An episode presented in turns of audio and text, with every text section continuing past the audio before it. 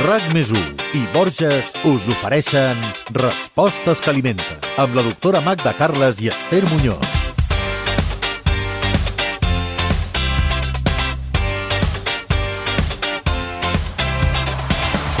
Ja fa temps que el menjar japonès triomfa entre nosaltres. De fet, el nombre de restaurants japonesos no para de créixer. També hi ha cada vegada més botigues de menjar asiàtic on es poden trobar la majoria dels seus ingredients principals. Segurament una de les causes d'aquest boom és que aquest menjar té fama de saludable, però és tan sa el menjar japonès com ens diuen? És millor la dieta japonesa que la mediterrània per nosaltres? Quins possibles inconvenients té? Aquestes i altres preguntes es plantegen en aquest podcast que et proposa fer un petit viatge gastronòmic al Japó.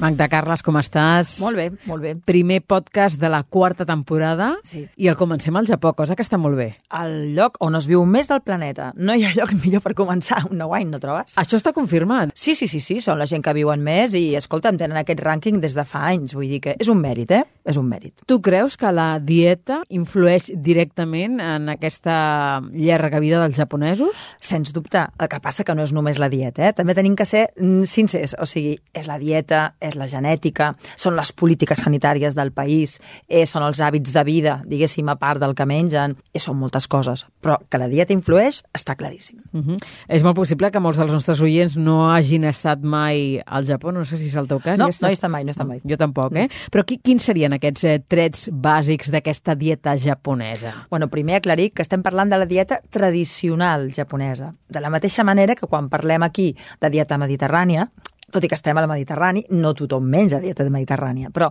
el que seria tradicional dieta japonesa, sobretot eh, jo crec que es caracteritza perquè hi ha molts vegetals, molts vegetals. Hi ha molt poca carn, hi ha molt de peix, a fi cap al Japó, és una gran illa, no? Uh, però sobretot també es caracteritza perquè la manera amb la que mengen, i aquí jo vull fer molt d'èmfasi, tenen un comportament a la taula molt diferent al nostre en quant a quantitats, en quant a tempos, en quant a manera d'abordar el plat.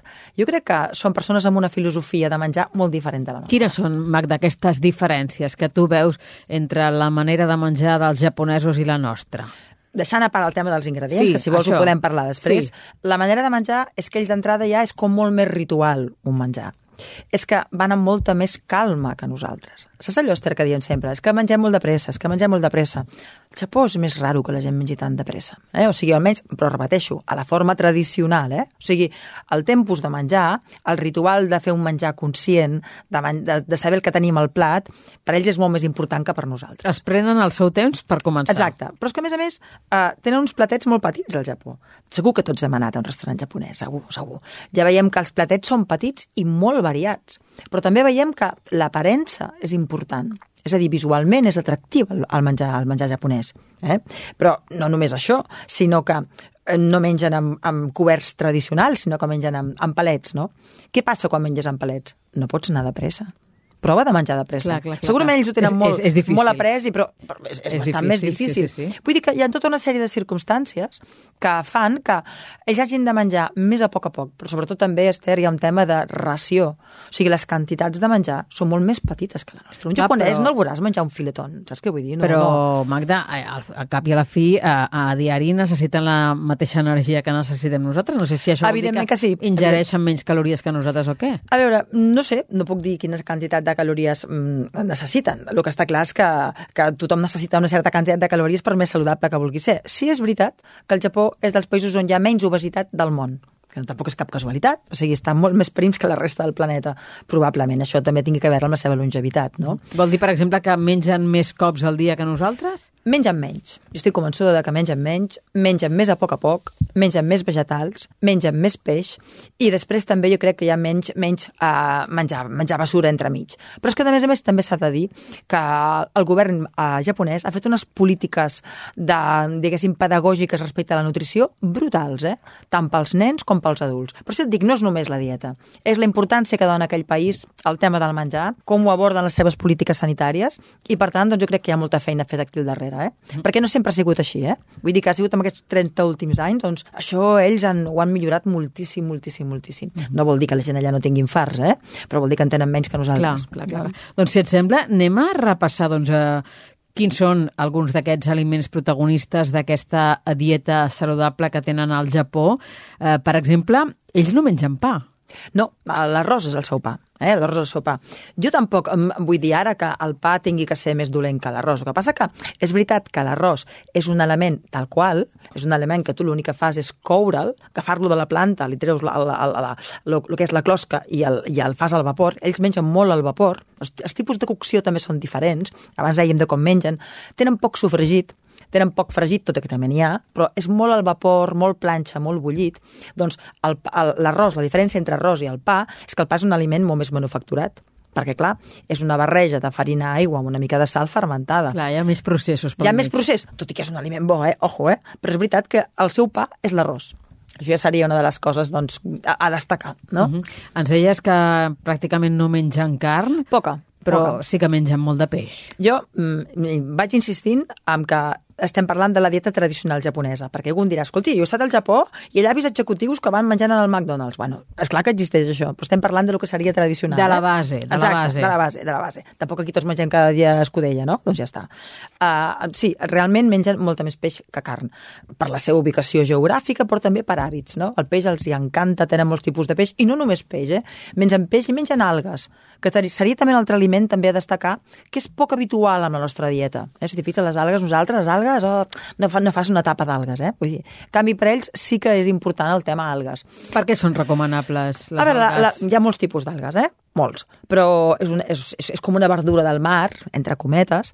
Quines característiques té? Bueno, entre altres coses, és una font proteica important, eh? Una font de proteïnes de força bona qualitat, però és que a més té ioda, té fluor, té, té, té, té calci, té magnesi, vull dir, té elements... És nutritiva, l'alga, és nutritiva. Té fibra, saps? Té antioxidants, està bé l'alga, està bé l'alga, vull dir, és un aliment que potser sí que el tindríem que nosaltres que incloure més a la nostra dieta.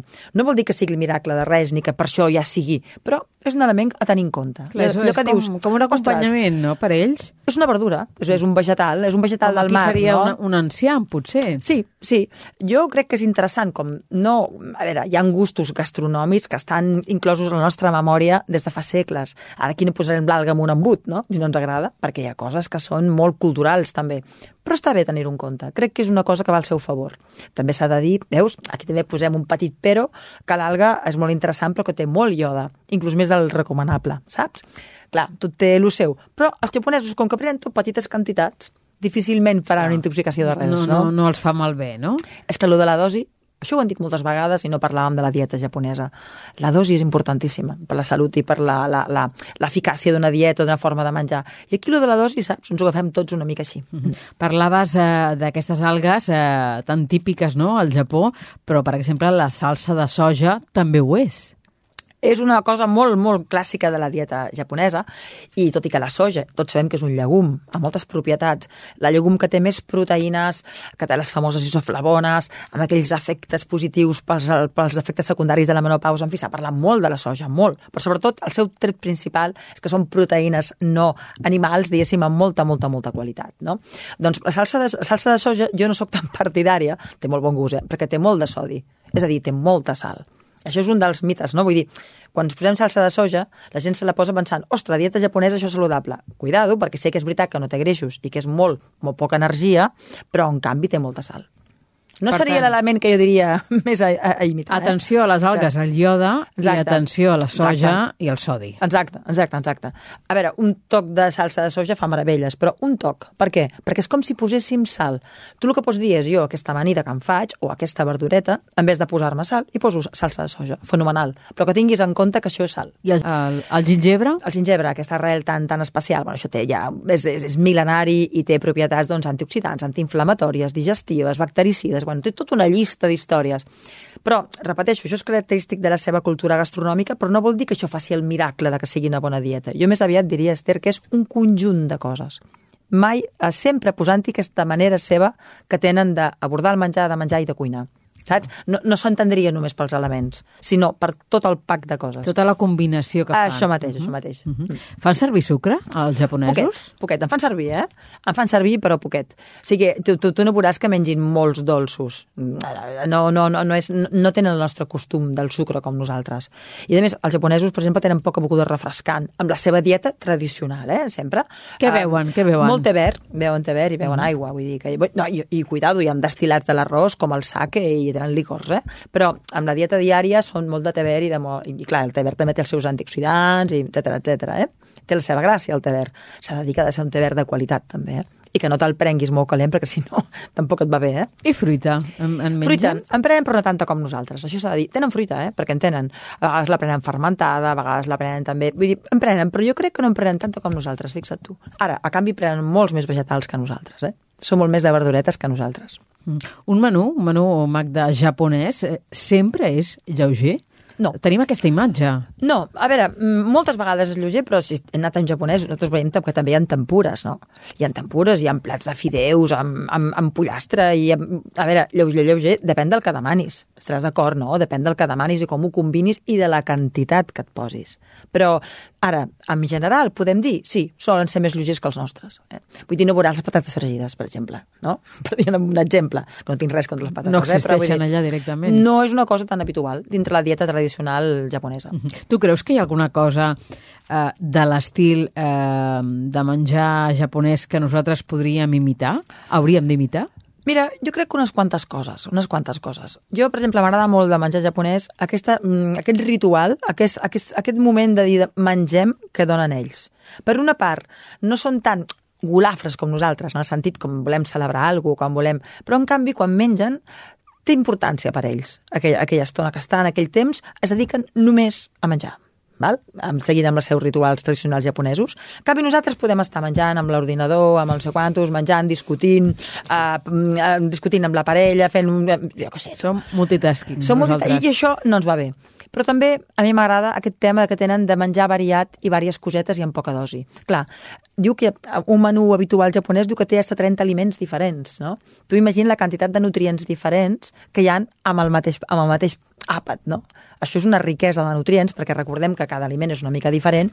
Aquesta variabilitat que tenen ells enriqueix moltíssim la dieta japonesa. En canvi, nosaltres a vegades tirem del pit de pollastre una setmana seguida per sopar, sí o no? Sí, sí. Som molt, a repetir moltíssim. Repetim molt i som molt monòtons, som molt monòtons, perquè no hi donem tanta importància com ells. És que jo crec que és una qüestió de filosofia de vida, eh? ells, ells, ells ho troben important, això. També fan el ritual del te, nosaltres mai de la vida faríem un ritual del cafè, és que vull dir, sí que fem el cafè, però a vegades són 5 minuts el cafè. Són eh? ritmes diferents, està claríssim. Són caps diferents, cultures diferents i sobretot jo crec que maneres d'enfocar la vida molt diferents. I això, clar, això reflexa amb tot. Sí, maneres de ser, sí, no? Sí, exacte, exacte. Hem parlat de, del peix. És millor, Magda, el peix cru, com per exemple sushi, uh, sashimi, que, que per exemple el peix cuit? Veus, aquí jo tinc que dir que sóc una gran partidària del peix, del peix cuit, i no perquè sí, sinó perquè per diverses raons. Primera, perquè des del punt de vista microbiològic, el peix cru sempre té molt més perill eh, començant per l'anisakis, etc etc, però més coses. El, el, els aliments crus sempre tenen el seu, eh, d'origen animal, sempre tenen la seva perillositat. Però és que, a més, eh, en quant als nutrients i les proteïnes del peix, s'absorbeixen millor quan són cuites perquè s'inactiven antinutrients. Per tant, doncs, jo sóc més partidari, això sí que t'ho haig de dir, del peix cuit que del peix, del peix cru. Ara, nosaltres aquí, clar, fem salsa, rebossat... Jo sóc partidari del peix cuit, t'haig de dir, eh? Ves, jo amb això no els imitaria gaire, els japonesos.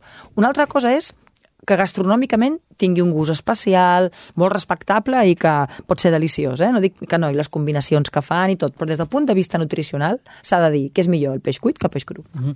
I si comparem dietes, mm, seria millor la dieta japonesa que la mediterrània? Jo crec que cada una està bé per les persones que, que, que la segueixen. És a dir, no, no oblidem una cosa. Jo sempre parlo de la... Ara estem acostumats, habituats a la, a la globalització i sembla, que, i sembla que des de sempre, des de fa 500 anys, la gent menja soja i menja coses de l'altre costat del planeta. A veure, això, de fet, és una cosa recent. Nosaltres, eh, fins a, a la segona meitat del segle XX, la gent no es desplaçava, diguéssim, en plan massiu, no? Què vol dir això? Que d'alguna manera la nostra dotació genètica la nostra, la, la, la, nostra informació dins de les nostres cèl·lules és un cert tipus d'aliments. és d'un cert tipus d'aliments, no dels de l'altre costat del planeta. Tu em diràs, oh, però és que d'Amèrica van portar... És veritat, però d'això ja fa cinc, més de cinc segles, no? Vull dir que jo mm, continuo tenint la convicció de que els productes que tens allà on està la teva terra, allà on està, per això, la cosa de proximitat, són els que més et convenen perquè hi ha una raó, i és que tu, la teva naturalesa, el teu codi genètic està habituat a allò. I això no ho tenim que perdre de vista, saps? És millor la japonesa a la mediterrània? Depèn en quines coses. Jo crec que tenim molt que aprendre del seu ritual, de la calma, d'aquesta importància que es dona a, a que visualment sigui bonic, que a vegades aquí fem uns plats que fan una mica de por, eh? Tu veus, quan et vas un menú, donen uns no plats... No entren dius... per la vista, la veritat. Després, aquesta cosa que tenim del plat ple d'aquestes quantitats. Estic segur que ells la paraula... No, no ho sé, eh? no, no m'atreviria a dir-ho, però estic segur que la paraula tip no hi és amb, amb el... Amb el, amb el en el seu argot, no? En el seu argot. Aquí sempre estàs tip, estàs tip, no deixi res al plat, no? Jo penso que aquesta cosa d'aquest minimalisme seu els afavoreix. Els afavoreix. Aquesta cosa de tiquis-miquis, no?, que dic jo, que pot semblar inclús una mica cursi, no?, tants platets petits, jo crec que això va bé. I repeteixo, una de les proves de que això té la seva benefici és que és un dels països del món amb menys obesitat que no, no, no oblidem, és un problema molt gran a nivell mundial. Per tant, alguna cosa té que veure aquesta forma de menjar. Uh mhm. -huh. Això sí que ho copiaria, eh? Fèiem referència a l'inici, Magda, a aquest eh, boom dels restaurants japonesos aquí a casa nostra. Mm. No sé si um, el menjar que fan en aquests establiments és igual o molt semblant al que es fa al Japó o, o hi ha una gran distància? Mira, jo no sóc cap experta en, en gastronomia japonesa mirada al mil·límetre, però és obvi que la majoria de restaurants japonesos ho europeitzen una mica perquè a nosaltres ens agradi. Eh? També com fan la majoria de, de restaurants que són internacionals, diguéssim, exòtics. Per què? Perquè hi ha sabors, hi ha coses que probablement a nosaltres ens agradarien bastant menys, no? I jo crec que sí que tenen un toc de... que està una mica adaptat no? Però bé, hi ha coses que no, que deuen ser probablement iguals, però estic convençuda que està una mica adaptat. Estic convençuda perquè, començant per les quantitats, pel concepte, pel concepte de primer plat i de segon, ells no fan primer plat i segon amb un japonès tu a vegades fas primer plat i segon. Vull dir que eh, hi ha coses que estan fetes perquè nosaltres ens hi sentim bé, i ho entenc perfectament. Ara, els ingredients i el tipus de beguda, etc etc, doncs sí, però que hi han coses que dius, bueno, és que això ho estem, ho estem venguent a Barcelona, no a Tòquio, saps? Doncs sí. Bé, acabem d'inaugurar la quarta temporada, Magda, Clar, i que... això vol dir que mm, farem coses noves, no? Any nou, vida nova, Esther. Això, la cosa és així. I, per exemple, una de les coses que volem fer és eh, incentivar la participació dels nostres oients. Exacte, ens encantaria que ens escrivíssiu i, escolta'm, fins ara jo he fet el Caprici Saludable, Esther, que Tota la temporada, i sí. Però jo em penso que els nostres oients en poden fer un munt de capricis saludables. Ens encantaria que ens enviéssiu capricis saludables. Si poden estar relacionats amb el que estem parlant, ideal. Però, vaja, ens va bé tot. Capricis saludables per menjar i nosaltres els comentarem els que ens semblin més adients. Però per a mi m'encantaria que de veritat que ens ho enviéssiu. Avui que estem parlant de cuina japonesa, què feu a casa vostra, no? Exacte. Que sigui saludable, no? Exacte, exacte. Ens ho podeu fer arribar a aquesta adreça electrònica respostescalimenten arroba racu.net. Respostes que alimenten amb la doctora Magda Carles i Esther Muñoz.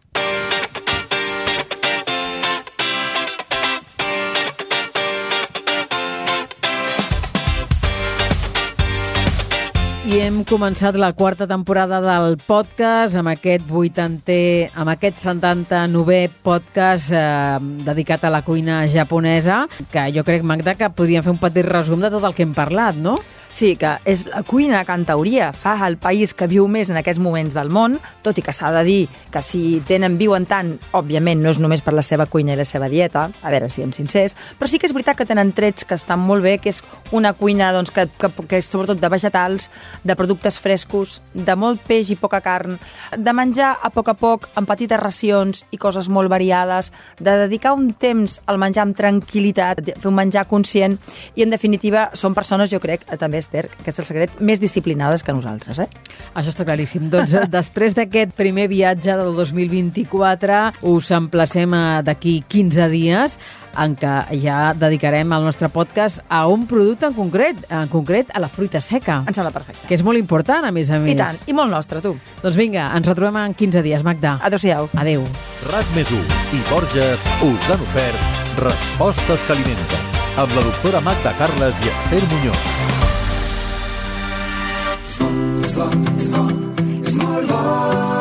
Cuidar-se és el més important.